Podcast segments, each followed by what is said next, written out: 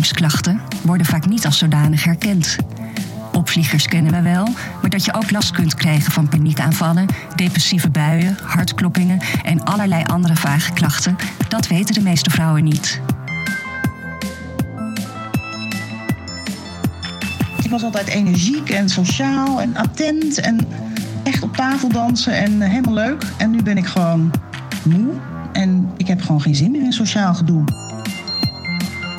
Ik had ook enorme last van zenuwen. Dus eh, zeg maar het gevoel dat je een podium op moet en een speech moet gaan geven voor duizend man. En dat dan de hele dag door. Ik kreeg echt zo'n eh, foggy brain dat ik op, van de ene op de andere dag niet meer kon lezen. Dat wil zeggen, ik kon wel lezen. Ik kon wel uh, gewoon zien wat er stond of zo. Maar ik kon niet focussen. En mijn nagels uh, werden heel broos. Ik had keiharde nagels altijd en die braken als een dolle af. Uh, mijn haar viel uit met bossen tegelijk op mijn borst. Het doet ineens echt zeer. En dan ineens moet ik naar adem snakken.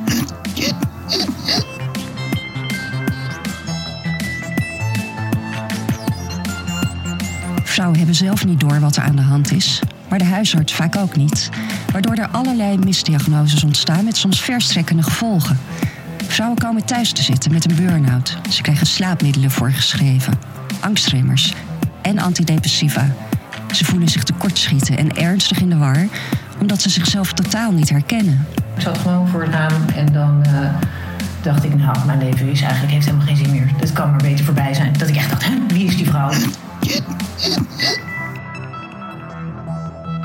Ik ben Suzanne Redhans en ik wil het hebben over die zoektocht, over de implicaties voor werk en gezin.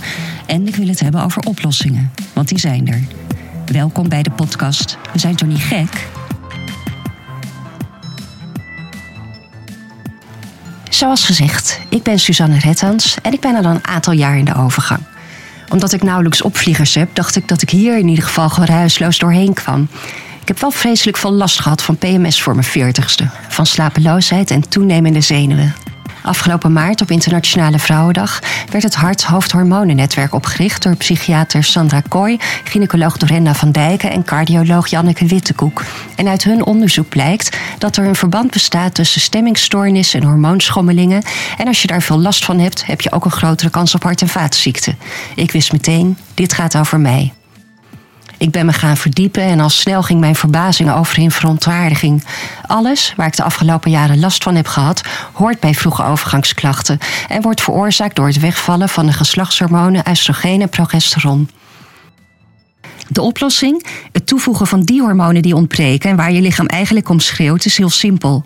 Maar huisartsen, en zeker de wat ouderen, hebben dit niet in de opleiding meegekregen en weten het niet. Zij kennen alleen de warmteklachten. Ik heb hier een lijst voor me met symptomen van de perimenopauze en de menopauze. Het zijn er ruim 80. Angstig, neerslachtig, prikkelbaar, overemotioneel, verminderd geheugen, frequente blaasontstekingen, droge ogen, mond en vagina, pijn bij het vrijen, verminderd libido, brandend maagzuur, migraine, gewichtstoename, nachtzweten verstoorde slaap. Dus um, iets moeilijker inslapen, maar vooral doorslapen. Uh, wakker worden om te plassen, denk je dan. Uh, terug in je bed gaan liggen en gaan liggen piekeren terwijl je geen piekeraar bent. Uh, steeds eerder wakker worden. In het begin denk je nog, joehoe, eindelijk ben ik ook eens een keer voor de wekker wakker. En daarna denk je, oké, okay, vier uur is toch echt te vroeg als morgen de wekker om zeven uur gaat. Um, hele rare fysieke verschijnselen. Mijn nagels uh, werden heel broos. Ik had keiharde nagels altijd en die braken als een dolle af. Uh, mijn haar viel uit met bossen tegelijk. Um, ik had trillende benen. Dus als ik op de bank zat en ik ging ontspannen, dan kregen we wat je in de zwangerschap noemde dat ook, restless legs. Dat je gewoon een ongecontroleerbare uh, aandrang voelt om je benen te gaan bewiebelen. Um, ik had ook als ik in bed lag en ik strekte me uit, dan schoot er een kramp in mijn kuit of in mijn teen. Dat werd allemaal steeds erger eigenlijk. Um, ik kreeg ook last van een stijve linkerknie. Dus vroeger lag ik lekker met mijn benen opgetrokken in bed en dat kon niet meer, want mijn knie deed zoveel pijn. En wat ik uiteindelijk zelf het ergste vond, was alle psychische klachten. Dus uh, ik ben een heel gematigd persoon en vooral erg optimistisch altijd. En ik werd um, als eerste heel gespannen. En uh, bijvoorbeeld voor mijn werk moet ik soms praatjes houden enzovoort. Nou, dan heb ik altijd een half uurtje van tevoren stress. Nu had ik gewoon, op een gegeven moment was het een dag van tevoren. Toen was het twee dagen. Toen was het een week van tevoren al gierde de adrenaline al door mijn lijf. Waarvan ik dacht, wat is dit? Ehm, en ook eigenlijk op het dieptepunt, dus voordat ik met enige behandeling begon, had ik gewoon elke maand een paar keer een soort vlaag. Dan zat ik gewoon, ik was iets aan het doen of ik zat gewoon voor het raam en dan uh, dacht ik, nou, mijn leven is eigenlijk, heeft helemaal geen zin meer. Het kan maar beter voorbij zijn. Dat ik echt dacht, wie is die vrouw? Weet je, dit, dit, ben ik niet. Aan het woord is Nienke Wijnands. Uh, Nienke Wijnands is uh, psycholoog en schrijver. Zij werd jaren geleden bekend met het uh, boek Het Dertigersdilemma. Zo ken ik haar ook. Ik heb haar in die tijd een aantal keer geïnterviewd. En sindsdien zijn wij altijd Facebook bevriend gebleven. En zo zijn we nou ja, op de hoogte van elkaars wel en wee. Um, ik kwam haar nu tegen op een uh, Facebookgroep. Uh, je hebt er twee, een Nederlandse en een Vlaamse editie. En die gaat over de overgang, de menopauze en bio-identieke hormoonsuppletie. En het werd mij daar al vrij snel duidelijk dat het niet zo goed gaat met uh, Nienke. En daarom zocht ik haar op. En ik vroeg haar mij te beschrijven hoe voor haar de overgang begon. En ze noemde inderdaad allerlei klachten op die je niet meteen zou denken dat die bij de overgang horen. Nee, want als ik nu terugkijk, kijk, uh, een jaar geleden was ik met mijn gezin op vakantie in Italië. En uh, elke ochtend werd ik daar, uh, nou voor zevenen, met een soort kriebeltje in mijn buik werd ik wakker. En ik dacht, oh leuk, ik ben in Italië. En wat leuk dat ik nou eens een keertje vroeg wakker ben, want normaal lig ik altijd uh, zo lang uit te slapen. Totaal niet gedacht toen dat daar iets geks aan was ik was in Italië, dus ik voelde me happy. Dus ja, ik, en ik dacht wel op een gegeven moment van... oh, misschien is dat wel dat je ouder wordt... dat je dan wat minder slaap nodig hebt. Ik hoor wel vaker van mensen die wat ouder zijn... dat ze eerder wakker worden. En ik dacht alleen maar, nou, eindelijk... want vroeger vloekte ik de wekker. Um, en dat kriebeltje in mijn buik... Uh, wat natuurlijk heel apart was... omdat ik in Italië was en daar heel happy op vakantie dacht ik dat dat kriebeltje kwam omdat ik mijn ogen opendeed en dan dacht, wat lekker, ik ben op vakantie. En dat ik daardoor dan een soort vleugje spanning kreeg, maar positieve spanning. En pas later merkte ik dat, en dat is dus met terugwerkende kracht, dat dat vleugje spanning wat ik toen voelde, dat is later steeds erger en erger geworden. En op een gegeven moment had ik dat de hele dag. Um, dus ook in Italië was dat al hormonaal. Hormonaal gezien was er eerst een lichamelijke reactie, namelijk ik werd vroeg wakker voor mijn doen en ik voelde meteen een soort van aanstaan. En ik moet eruit. Ja, lekker op vakantie. Maar als je dat op een gegeven moment thuis continu hebt en het wordt steeds eerder. En toen is het eigenlijk heeft het lang geduurd, want dat was dus in augustus vorig jaar. Toen heb ik wel halverwege het afgelopen jaar merkte ik dat mijn nagels zo slecht werden en dat mijn haar zo slecht werd. Maar dat combineerde ik totaal niet met elkaar. En pas toen ik, omdat er een hele drukke fase even was, privé en zakelijk, werd ik gewoon op een ochtend wakker en moest ik ergens een praatje gaan geven. En moest ik tegen een man zeggen van ja, jij moet mij brengen, want ik, ik kan niet meer opstaan. En ik, ik zou ook niet weten hoe ik moet douchen. En uit een heel ver verleden hadden wij nog ergens een oud doosje diazepam met uh, twee pilletjes nog van vroeger erin. Ik zei, ja, ik moet dat nemen, want ik kan, en, en dan kan ik niet rijden. Dus jij moet mij brengen. Nou, dat was naar weet ik veel, de andere kant van het land of zo. En hij keek mij aan en hij dacht, is ze nou gek geworden, weet je wat? Je kan niet rijden, je kan... Je, je, doet iedere week zo'n lezing en nu opeens durf je de auto niet in te stappen. Of je, ik zei, het is erger. Ik, ik zou niet weten hoe ik nu moet douchen en me klaarmaken. Nou, en dat was totaal nieuw voor mij. Dus ik ben huilend naar de huisarts gegaan en dit verteld. Ja, en wat hoor je dan? U bent overspannen. Uiteindelijk dus na heel veel gedoe kwam dan, oh, het is de overgang. En toen ik dat eenmaal wist en toen ik eenmaal daar iets ook tegen ging doen... toen merkte ik opeens, hé, hey, nu ik een therapie uh, volg... ik heb die restless legs niet meer. Huh? Ik kan mijn knie weer bewegen. Hè? Na drie weken, mijn nagels zijn weer stevig. Huh? Mijn haar valt niet meer uit. Het is nog niet terug allemaal, maar het viel niet meer uit. Um, oh, wat gek. Uh, ik, nou, dus allemaal klachten waarvan ik van tevoren niet had gedacht dat ze samenhingen. En dat is het bizarre. Wat ik daar het ergste aan vond, is dat in mijn geval waren de mentale klachten echt wat mij de das omdeed. Ik kon gewoon van de ene op de andere dag niet meer functioneren, niet meer werken en niet meer zorgen. En dat ik psycholoog ben van huis uit, dat ik me al mijn hele werkende leven bezig hou met de gemoedstoestand van mensen. En dat ik niet wist dat dit bij de overgang hoorde. En dat ik toen ik dit eenmaal wist, uh, was tegelijk met het moment dat Caroline Tensen met haar boek naar buiten kwam. En ik op Twitter zag dat zij door jonge vrouwen totaal met de grond gelijk werd gemaakt. Want A, het is toch geen taboe meer. En B, uh, we hebben hier niet allemaal last van. En wat een, wat een. En toen was de uitsmijter bij iedereen eigenlijk, ja, weer zo'n BN'er die boeken wil verkopen. En toen dacht ik, ik ben ongelooflijk blij. Want het was onder andere een gesprek met haar uh, aan de talkshowtafel bij Eva Jinek waardoor mijn ogen zijn opengegaan. Dat ik dacht, oh my god, dit is het, dit ben ik. En als ik dat niet had gezien, ik was er relatief vroeg bij, zeg maar vanaf het moment dat ik daar huilend bij de huisarts zat, Tot het moment dat ik wist, nee, ik ben niet depressief. Ik heb ook geen angststoornis. Ik heb ook geen burn-out. Ik ben ook niet overspannen. Het duurde bij mij maar twee maanden of zo. Terwijl ik nu, nu ik me erin verdiept heb, hoor van vrouwen die gewoon zes jaar lang uitgevallen zijn, uh, burn-out, allerlei diagnoses hebben die niet passen. Maar het ergste vind ik, al die jaren in, in hel hebben geleefd. Want ik kan niet anders zeggen dan dat het de ergste twee maanden van mijn leven waren. Ik heb me nooit eerder zo gevoeld en ik vond het echt verschrikkelijk. Ja, want zelf weet ik nog wel dat ik zo rond mijn 37ste echt veel last begon te krijgen. Echt zo, um, zo gespannen en zo geïrriteerd, uh, alsof al mijn zenuwbanen open lagen. Nou, dat was ook net in de tijd, ja, de kinderen die waren, de oudste ging puberen, die kreeg ja. een paard in de keel, ja. heel naar geluid. Ja, ja. dat, toen werd ik helemaal, uh, nou ja, er is toen van alles, uh, we zijn zelfs gescheiden in die periode, omdat ik, ik, ik kon het gewoon niet meer aan. Ja. En het is ook waar je je dan vervolgens weer heel schuldig over voelt. Want ik was eigenlijk altijd een moeder die alles regelde en deed. En ineens, ik, ik kon gewoon niks meer. Nee. En ik heb een paar jaar doorgemodderd, nog zonder, want ik ben pas jaren later uh, antidepressivum gaan uh, slikken. Uh, en nu denk ik dat dat helemaal niet gehoeven. Nee, nee. Want nee, het was al die dingen zoals slapeloosheid. Uh, voor al die aparte dingen ben ik zo vaak naar de huisarts gegaan. Ja. ja. Maar en hoe wist jij dan, want jij bent hormoonsuppletie uh, gaan slikken. Ja. Daar zijn heel veel verschillende vormen en ja. variaties van. Vroeger werd de standaard Femaston voorgeschreven. Inmiddels zijn er nieuwe richtlijnen en zijn er andere mogelijkheden die veel gezonder zijn. Maar hoe wist jij dan wat je moest hebben? Nou ja, dat is een van de ergste dingen eigenlijk.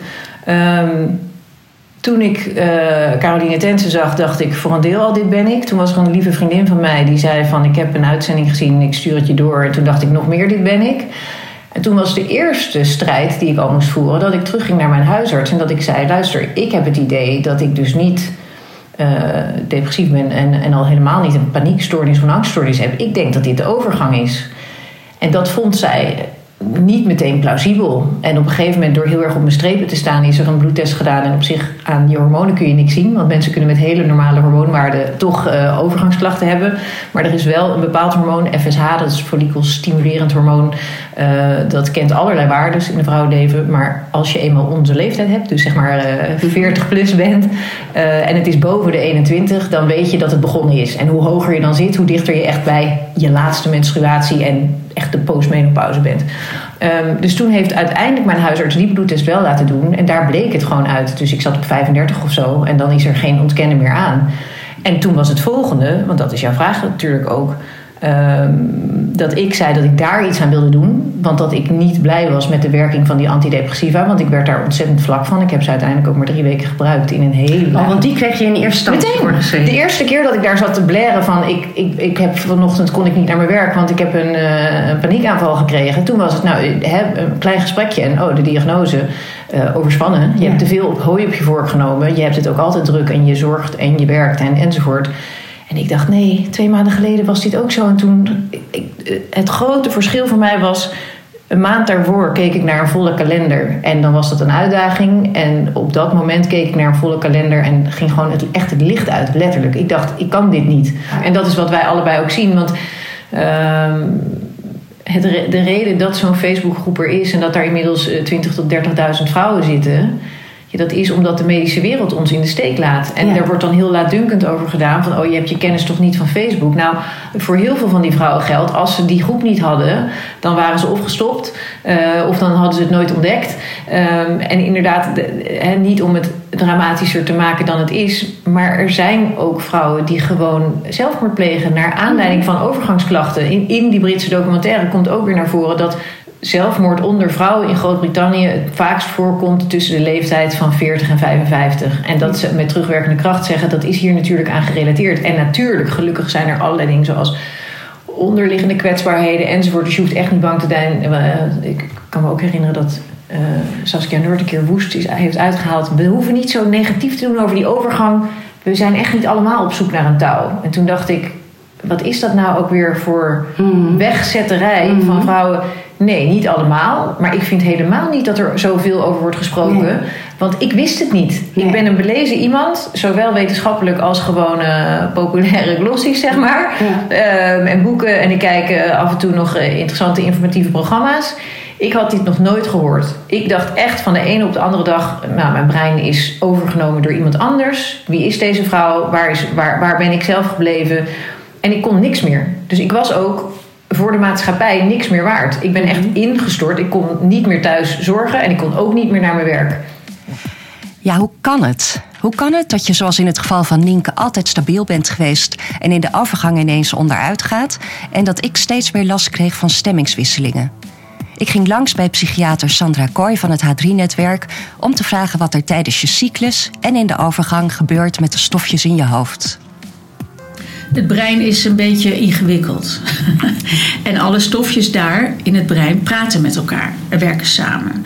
En het is dus niet alleen maar dopamine, het is ook serotonine, het is ook noradrenaline, het is ook GABA en, glutamine. En er zijn er nog veel meer die we nog niet eens kennen. Dus dat zijn boodschappenstoffen in het brein die belangrijk zijn voor de functies die we met die hersenen allemaal moeten uitvoeren. En als daar kleine foutjes in zitten of onregelmatigheden of tekort is, dan kan je stoornissen krijgen. Dat is een hele biologische kijk op uh, psychische klachten. Het is heus niet het enige, maar het speelt mee. Hè? De omgeving, stress en slaap en uh, leefstijl, alles, alles doet mee. Uh, het is dus complex. Waarschijnlijk is het zo dat al die neurotransmitters reageren op een verandering van oestrogeen.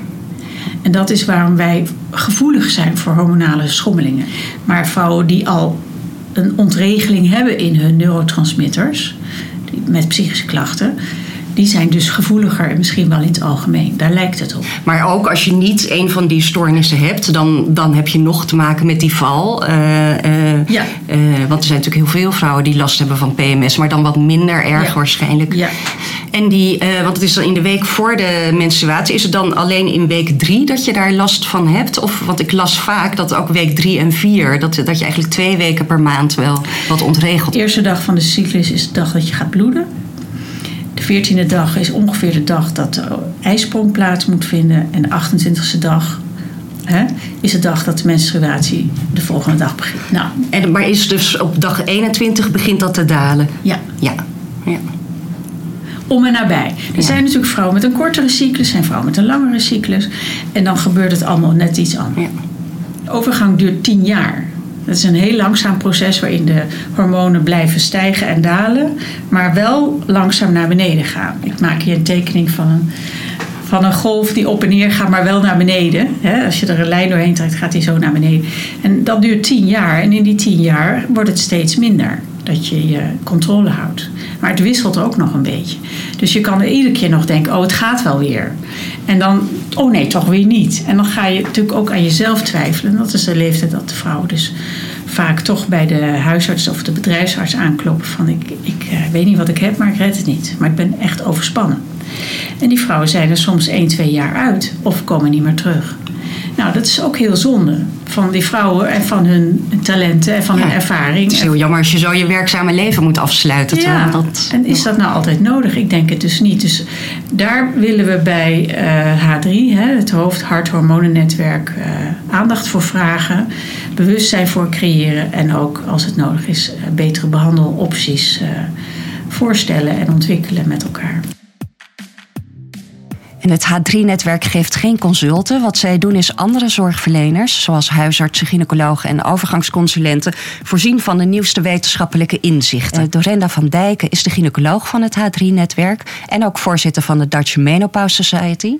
Zij werkt bij het OVG in Amsterdam en heeft daar de menopauzepolie opgericht voor de wat zwaardere gevallen. Dus de vrouwen die echt heel veel last hebben van de overgang. Maar laten we eerst eens even bij het begin beginnen. Want er zijn nu verschillende termen voorbij gekomen: de overgang, de menopauze en de perimenopauze. Wat is nou wat? Je menopauze is echt je laatste menstruatie. En over het algemeen weten vrouwen dat wel. Maar als je geen baarmoeder meer hebt of zo'n hormoonspiraal, dan kan het lastig zijn. En we noemen het in medische termen de Perimenopauze is een ander woord voor de overgang. En peri betekent rondom. Dus de jaren rondom je laatste menstruatie, dat is eigenlijk de overgang. En dat begint ongeveer drie tot vijf jaar ervoor. Maar dat kan nog doorlopen tot drie tot vijf jaar daarna. En er zijn vrouwen die al voordat ze stoppen met menstrueren klachten kunnen krijgen. Die hebben ook vaak wat langer klachten. Maar er zijn ook vrouwen die nergens last van hebben. Die stoppen met menstrueren. En die krijgen ineens daarna alsnog klachten. Nou ja, en het is inderdaad ook heel verschillend hoe, hoe vrouwen die overgang ervaren. Ja. Eh, hoe lag het ook alweer met die percentages? Eh, Eh, nou ja, grofweg kan je zeggen dat de, eh, 1 op de 5, 20% die fietst er fluitend doorheen zonder de bekende klachten. Hè. Dat zijn dan de warmteklachten, de opvliegers overdag en of s'nachts. Maar die hoeven niet altijd op de voorgrond te staan. Want dat wordt met name gemeten, maar dat vind ik niet altijd heel. Want ik heb Ja. ook vrouwen die enorme stemmingsklachten hebben, zonder dat ze echt heel veel last hebben van opvliegers. Maar en waren je- dat dan ook al de vrouwen die altijd heel erg PMS? eh, ja, ja, dat zijn echte vrouwen die in hun cyclus al klachten hadden. En die merken krijgen dat versterkt zich, zeg maar. Maar ook vrouwen met kenmerken van bipolariteit of autisme, die hebben eigenlijk allemaal hetzelfde. Als die Ja. hormoonbalans verandert, dan versterken die klachten zich en dan komen ze meer in de problemen. Ik zit al heel lang in het OVG en ik merkte dus dat als er iets was over het hart of eh, iets over stemmingsklachten, ik leg, overlegde dan met die, voor over slapen, dan met die en elke keer. met- En op een gegeven moment dacht ik van ja, we hebben, ik heb zoveel fijne, goede collega's. We moeten eens een keer bij elkaar gaan zitten en met elkaar eh, mensen gaan bespreken. Want dan hoef ik niet iedereen te bellen, wachten op antwoord. Kunnen we het in één keer in de groep gooien. En misschien hebben zij ook wel vragen aan mij. Ja. Nou, en dat werkte heel goed. Dus na een half jaar zeiden we: jongens, we moeten gewoon met elkaar poli gaan doen. Want dan kan dus een vrouw komen en dan kunnen we van tevoren, we doen altijd een intake. En dan weet je dus een beetje van tevoren wat er speelt. En voor vrouwen is het heel fijn, want ze kunnen in één keer met hun vragen eh, terecht. Hè, Van nou ja, eh, doet oestrogeen iets op ADHD, zeg maar. ja. En daar kunnen we samen antwoord op geven. Maar ook de, de medicatie die je voorschrijft. Sommige dingen eh, hebben een wisselwerking met elkaar. En dat kan je meteen kortsluiten. In de groep vrouwen die wij zien Ja. in het OVG. Ik ben echt ja, af en toe eh, echt diep onder de indruk hoeveel verdriet en leed eh, vrouwen. Ja, wij zien misschien het topje van de ijsberg, dat weet ik niet. Maar hoeveel nare dingen vrouwen hebben meegemaakt. En dat varieert van eh, ja, te weinig niet erkend als kind, niet gehoord zijn, niet opgegroeid in een liefdevol gezin, naar eh, een, een zus of een broer die zelfmoord gepleegd heeft. Dus echt, de, de verhalen die we horen, we moeten Ja. echt na onze poli altijd echt even bijkomen en Ja. even eh, dat ja, de, de Ja, dus eigenlijk er zit zoveel leed. Ja. dus eigenlijk een, een, een psychisch eh, eh, trauma of iets wat, Ja, wat dat is een belangrijke risicofactor voor, later voor. Ja, zeker. En wat je ook ziet, en ik weet niet zo goed hoe dat komt, en misschien is dat meer levensfase dan hormonaal, dat al die vrouwen, eh, ja, dat dat in die overgang ineens allemaal weer boven komt borrelen. Vooral het idee van dat je denkt, er klopt iets niet. Ik, ben, ik zit niet lekker in mijn vel. Dan dat signaal, daar moet je dan iets mee. En wat het dan is, of het dan eh, stemming is, of ADHD, of PMS, of overgang, of alles tegelijk, dat kan ook nog. Dan, eh, ja, daar moet je dan me- samen met hulp uit zien te komen. En Ja. dan kijken, wat is de beste behandeling? Want die SSRI's, die antidepressiva, zijn ook niet altijd zaligmakend. Nee. Dus dat, er kunnen ook. Maar wat wel zo is, de rode draad rondom de leeftijd van de overgang. Hè, dus als het 40-plus vrouwen zijn, Mhm. is het bijna altijd wel een, een overgangverhaal. Eh oestrogeen kan wel ondersteunen. Die kan wat meer stabiliteit geven. En of je dan kiest voor een bepaald type uh, anticonceptiepil. Hè, Als je echt een, we laten vrouwen altijd een dagboek bijhouden. Twee, drie maanden. En dan zie je vanzelf of er een patroon in zit. En uh, als dat erin zit, dan kan je bijvoorbeeld met een bepaald type anticonceptiepil... Mhm. kan je tijdelijk al die pieken en die dalen eruit halen. Ja. Als dat er niet in zit, of als ze al niet meer menstrueren... dan steek je het weer wat anders in. Dus Ja. het is echt wel... Er is niet een, een soort... We hebben niet zo'n doosje met one size fits all. Het is echt zorg op maat. Ja. En het is voor elke vrouw weer anders. Wat voor de een heel goed werkt, kan bij de ander juist een averechts effect hebben. Ik ga langs bij mijn saai-collega Gijsje van Bentum... die ik eh, niet onder de allerbeste omstandigheden tref... want zij zit ziek thuis al een tijdje. Ze is overspannen en burn-out verklaard. En eh, nou ja, ik was blij dat ik toch eh, bij haar langs mocht. En ehm, ik vroeg haar wanneer zij in de overgang kwam... wat zij daarvan merkte. Ehm, dat duurde. Ik merkte dat denk ik een, een jaar of vijf later dan dat het werkelijk aan de gang was. Want ik, eh, ik had, ik, ik had rond mijn 45ste ben ik in therapie beland met een stevige eh, burn-out. En ehm, ik heb allerlei diagnoses gekregen. Ontwijkende persoonlijkheidsstoornis, onder andere, wat best een heftige stoornis is. Eh, depressie met een angststoornis. Uiteindelijk een dystemestoornis, betekent langer dan 10 jaar depressief. Nou ja, het echt eh, heel veel zware labels gekregen. Ehm, totdat op een gegeven moment mijn therapeut zei: Ik wil toch dat jij je laat testen op ADHD. En ik ADHD bleek te hebben. Eh, in de tussentijd was er geen woord gerept over hormonen of overgang of iets dergelijks. Terwijl mijn therapeut een paar jaar ouder was dan ik. Ik schat eh, 52 of zo. En Ja. best gek. Dat is best Ehm, raar, want, want hoe oud ja. was jij toen? toen met Ja, zo tegen de 46, 47 of zo. Ja. En ze heeft bijvoorbeeld ook, niet dat je daar iets, iets uit kan afleiden, maar ze heeft bijvoorbeeld ook nooit gevraagd van menstrueer je nog? Of eh, Nee. nee, terwijl dat eigenlijk natuurlijk een rode vlag 1 is zo rond de 50 als Ja. mensen met een burn-out binnenkomen. Ja. Nou goed, inmiddels wist ik dus wel dat ik ADHD had. En ehm, daar bij, bij die, dat instituut ADHD Centraal was dat, zag ik een boek liggen met allerlei eh, Amerikaanse wetenschappelijke publicaties over vrouwen, ADHD en hormonen. Eh, nu wisten ze toen nog niet zoveel als, ze nu, als we nu weten. Maar het, het, begon- het was al begonnen en in Amerika wisten ze al best wel veel. En toen dacht ik zelf van... hé, hey, het kan best wel zijn dat ik al iets van overgang heb... en dat daardoor die ADHD verergerd wordt. Nou ja, bla bla. Ehm, maar gezegd moet worden is dat ik inmiddels voor de, eh, de, de, de, de depressie met angststoornis venlafaxine slikte in vrij hoge doseringen. En venlafaxine ook wordt gegeven tegen op- opvliegers. Dus die opvliegers, die had ik niet. En op de een of andere manier was toch bij mij het idee ontstaan van... maar ik ben nog niet echt in de overgang, want ik heb geen opvliegers. Ja, nou, dat is inderdaad best wel wonderlijk. Hè? Dat, dat de overgang wordt altijd in verband gebracht met opvliegers. Ja. Terwijl helemaal niet alle vrouwen dat eh, hebben. Nee, Ook. exact. Ja. Goed, en toen stopte ik met de venlafaxine op een gegeven moment. Ik vond het allemaal niet meer nodig, want ik had immers ADHD en ik had helemaal geen depressie. En toen kreeg ik mega opvliegers. Waarvan ik eerst dacht, oh ja, dat komt omdat de ven- venlafaxine uit mijn lichaam treedt. nou, en vervolgens ehm, gebeurde er echt iets vrij griezeligs.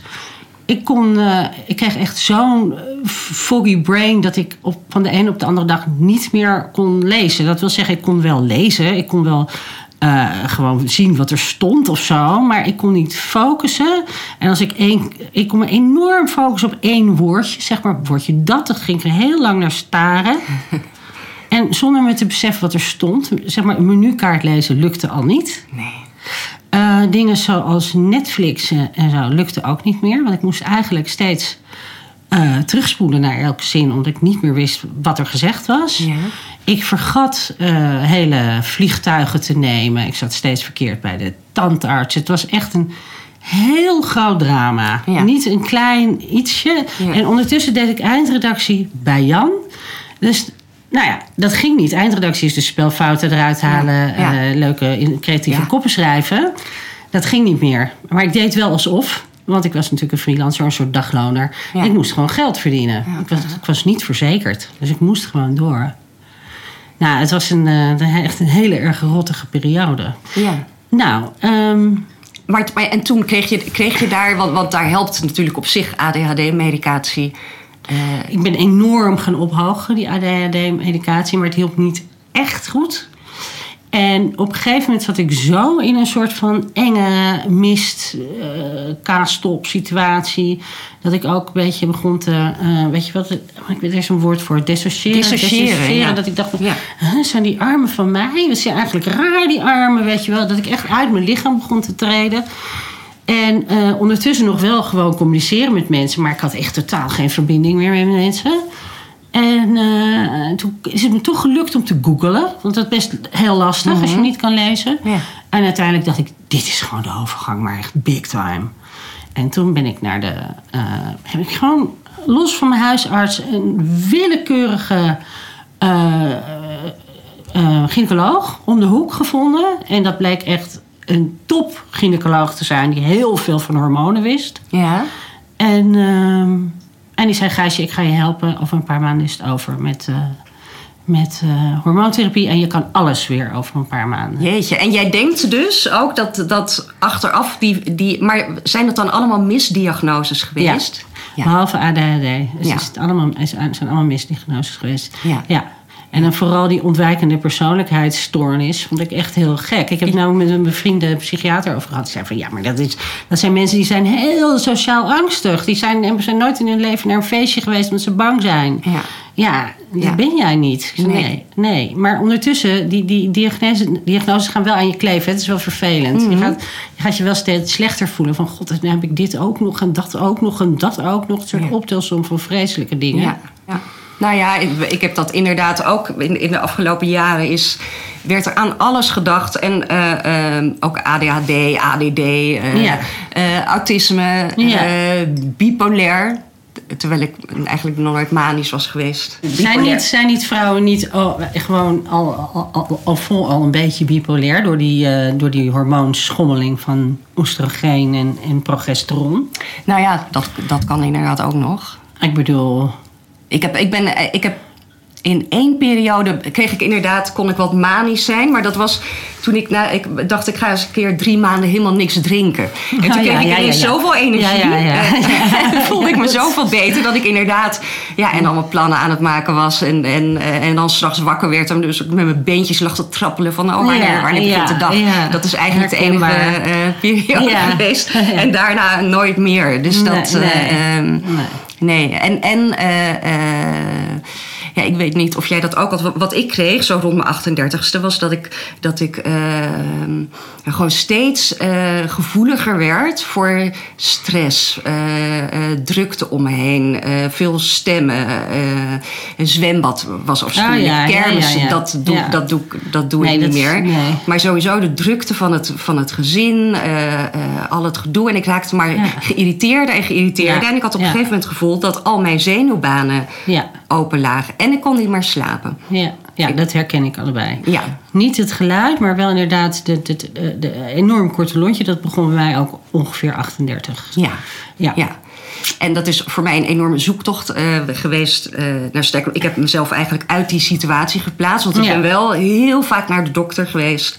Of naar de huisarts. En dan, eh, ja, ik kreeg ook geen slaappillen. Eh, eh, nou ja, ja, er moest gewoon, ik moest gewoon met het leven om leren gaan, zeg maar. Dus ik moest meer rust inbouwen. En ik ben ook nog naar een, wel naar, volgens mij naar een soort slaapfysiotherapeut of zo. Nou ja, dan moest ik rustgevende oefeningen doen. Later ben ik ook Vella-vaccine eh, gaan slikken.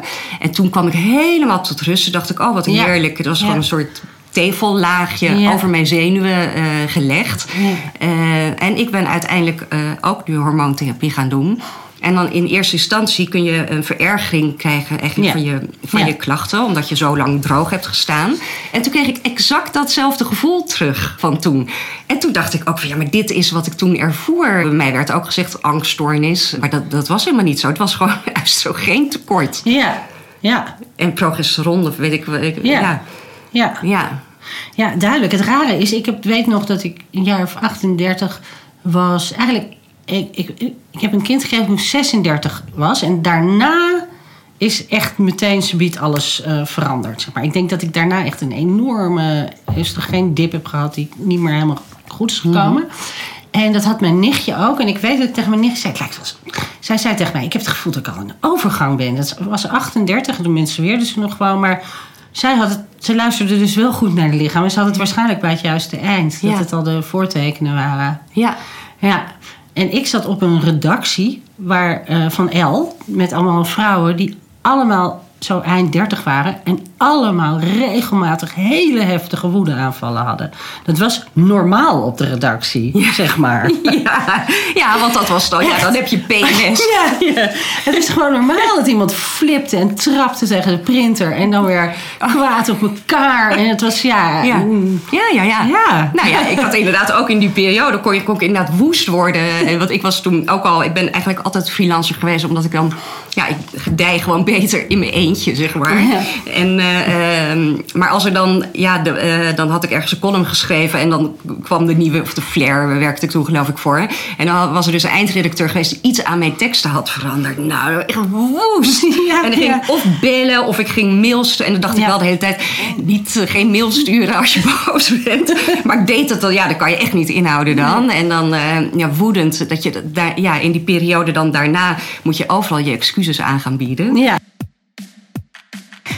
Sandra Kooi is niet alleen psychiater bij PsyQ in Den Haag, maar ook bijzonder hoogleraar ADHD bij volwassenen in Amsterdam. En zij heeft onderzocht wat er specifiek bij vrouwen met ADHD in het brein misgaat, waardoor zij zo snel opvlammen. Maar hetzelfde principe kan dus ook gelden voor vrouwen die veel last hebben van PMS.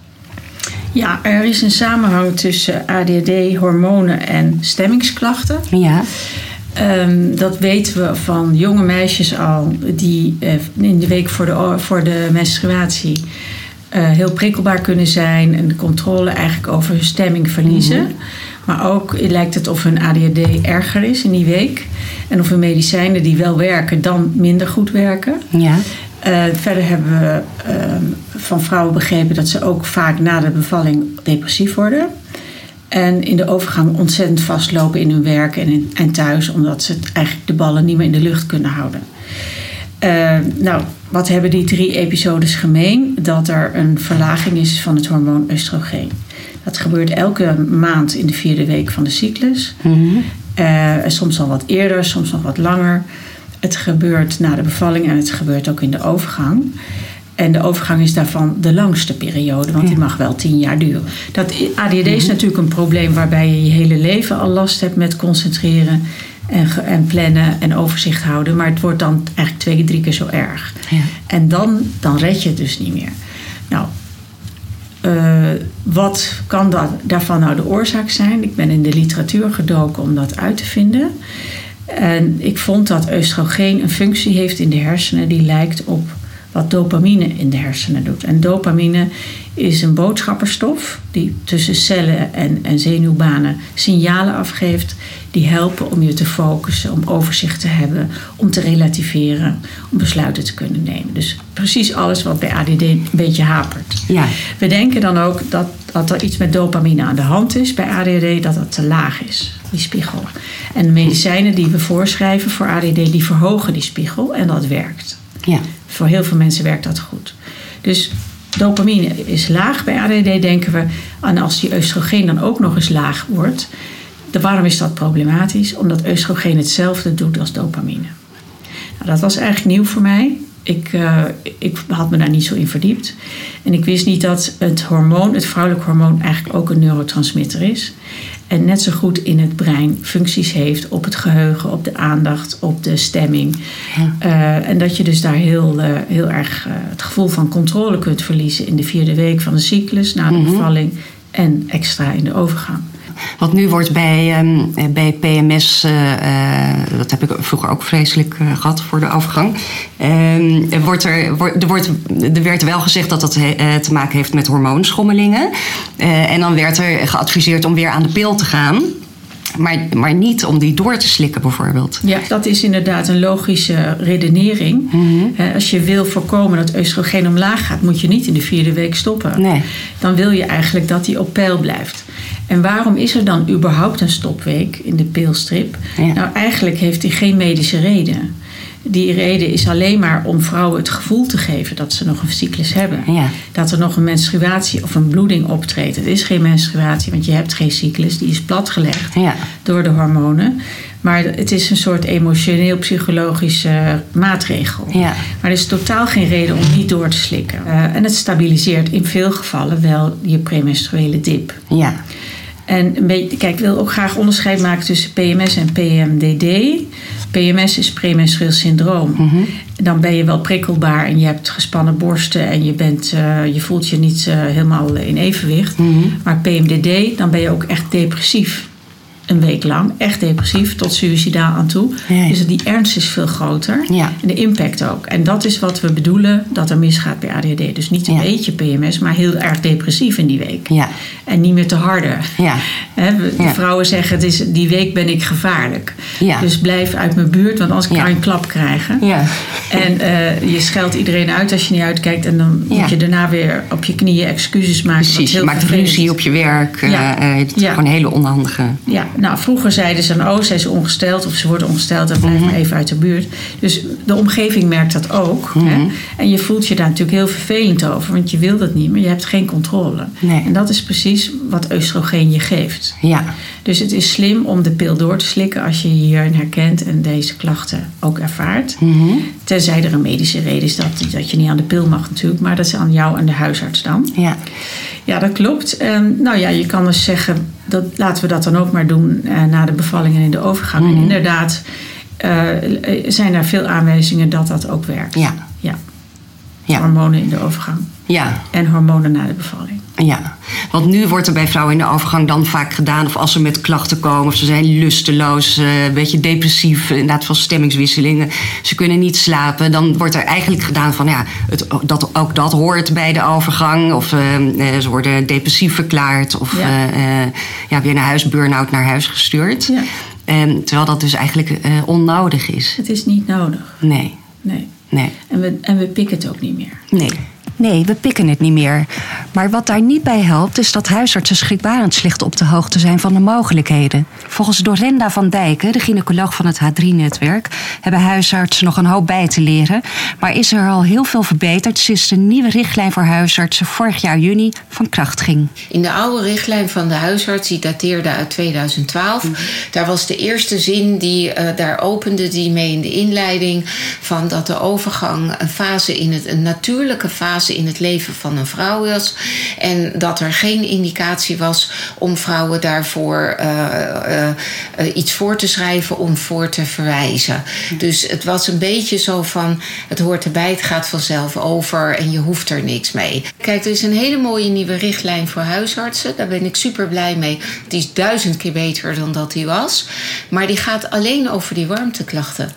Er staat één zinnetje ergens, geloof ik, in wel van stemming. Maar daar besteedt hij eigenlijk helemaal geen aandacht aan. Dus we horen zo vaak vrouwen die zeggen: Ja, ik, ik, ik herken mezelf niet terug. Ik zit niet lekker in mijn vel. Er is iets anders. Ik kan het niet benoemen. En ik heb het af en toe wel wat warm. Maar eigenlijk kan ik dat wel handelen. Wat is er in godsnaam met me aan de hand? En dan denk ik: Ja, dat kan dus ook de overgang zijn. En eh, dan wordt er vaak gezegd: van ja, als je stemmingsklachten hebt, moet je aan de antidepressiva. Ja, heel soms zie je dat je met alleen hormonen, dat je het toch ook wel redt. En we willen vrouwen dus vooral niet medicaliseren. Ik denk dat dat ook wel heel belangrijk is, maar het is meer van. Je wil vooral weten wat er aan de hand is. En als je weet wat er aan de hand is, dan kan je erop sturen. In de podcast Huisarts en Wetenschap van juli vorig jaar, vlak nadat de nieuwe richtlijn uitkwam, hebben huisartsen Femke Veldman en Harriette Engel het over de onzekerheid die veel huisartsen nog altijd parten speelt als het gaat over de behandeling van overgangsklachten.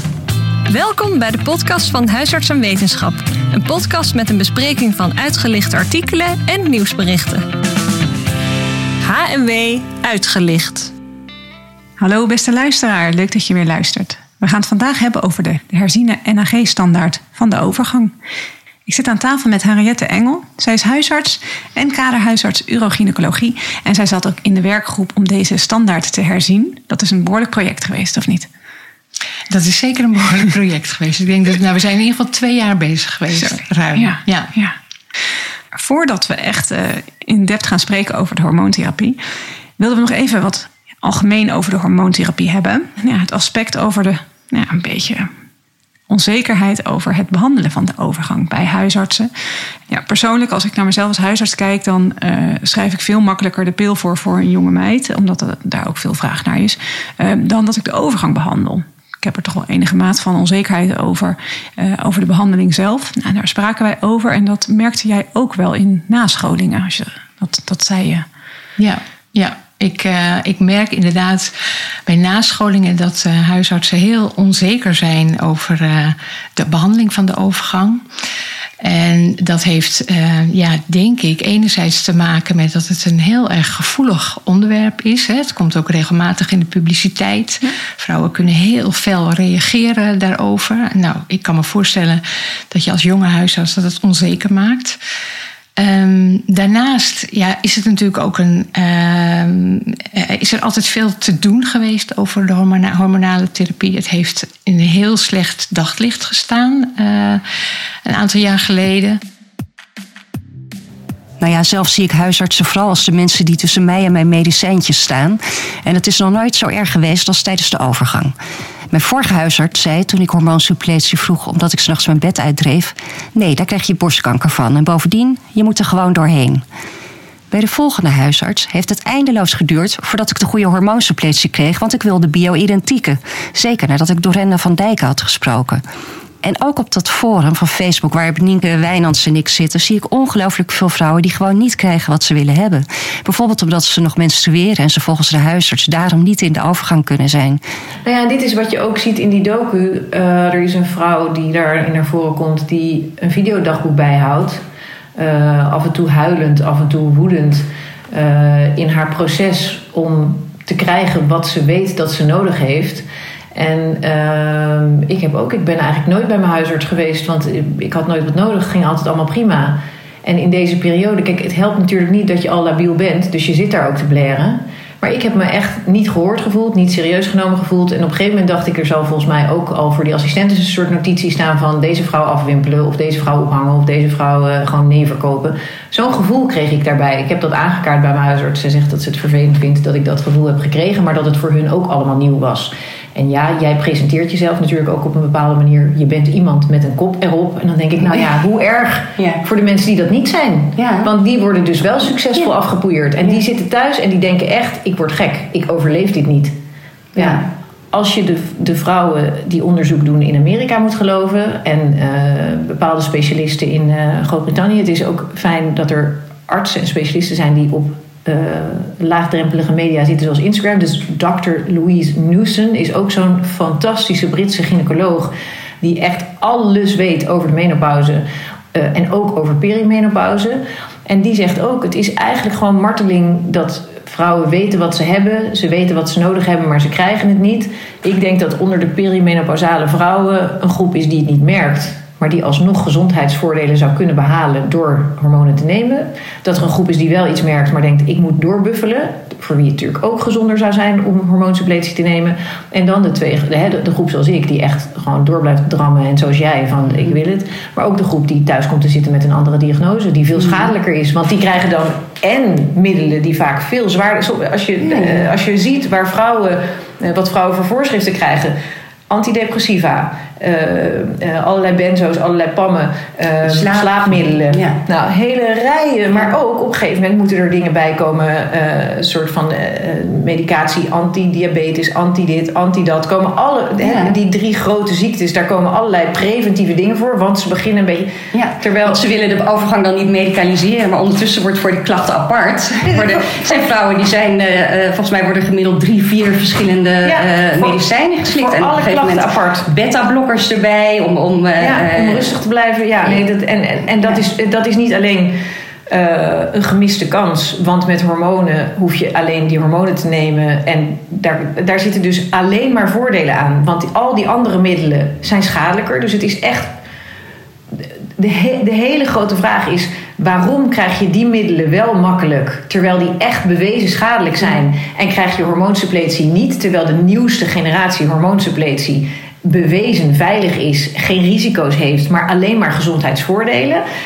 Dat, dat, dat is. Dat is inderdaad de grote vraag. Volgende aflevering gaan we dieper in op hormoonsuppletie en wat het voor je kan doen. Hier alvast een voorproefje. Ja, nee, maar het feit dat jij dus zegt van ik voel me als 35, vaak interpreteren ook weer mannen dat zo van, eh, of artsen eigenlijk, van oh mevrouwtje wil eeuwig jong blijven. Dat heeft nee, daar niks heeft mee te het maken. niets mee te maken. Het heeft, hiervoor voelde ik me een soort larf, die, maar, die op een gegeven moment een beetje dacht van, oh nou ja, als ik, geef mij maar een paar boekjes. En, eh, eh, terwijl ik ook dacht van, ja maar fuck, ik moet nog 17 jaar. Ja. Hoe ga ik dit doen? Ja. En ineens is dat gewoon weer helemaal opgeslagen. En heb ik gewoon al mijn daadkracht en denkkracht en concentratievermogen Ja, weer terug. nou, het is eigenlijk ook heel nuttig dat je dit nu noemt, want de, de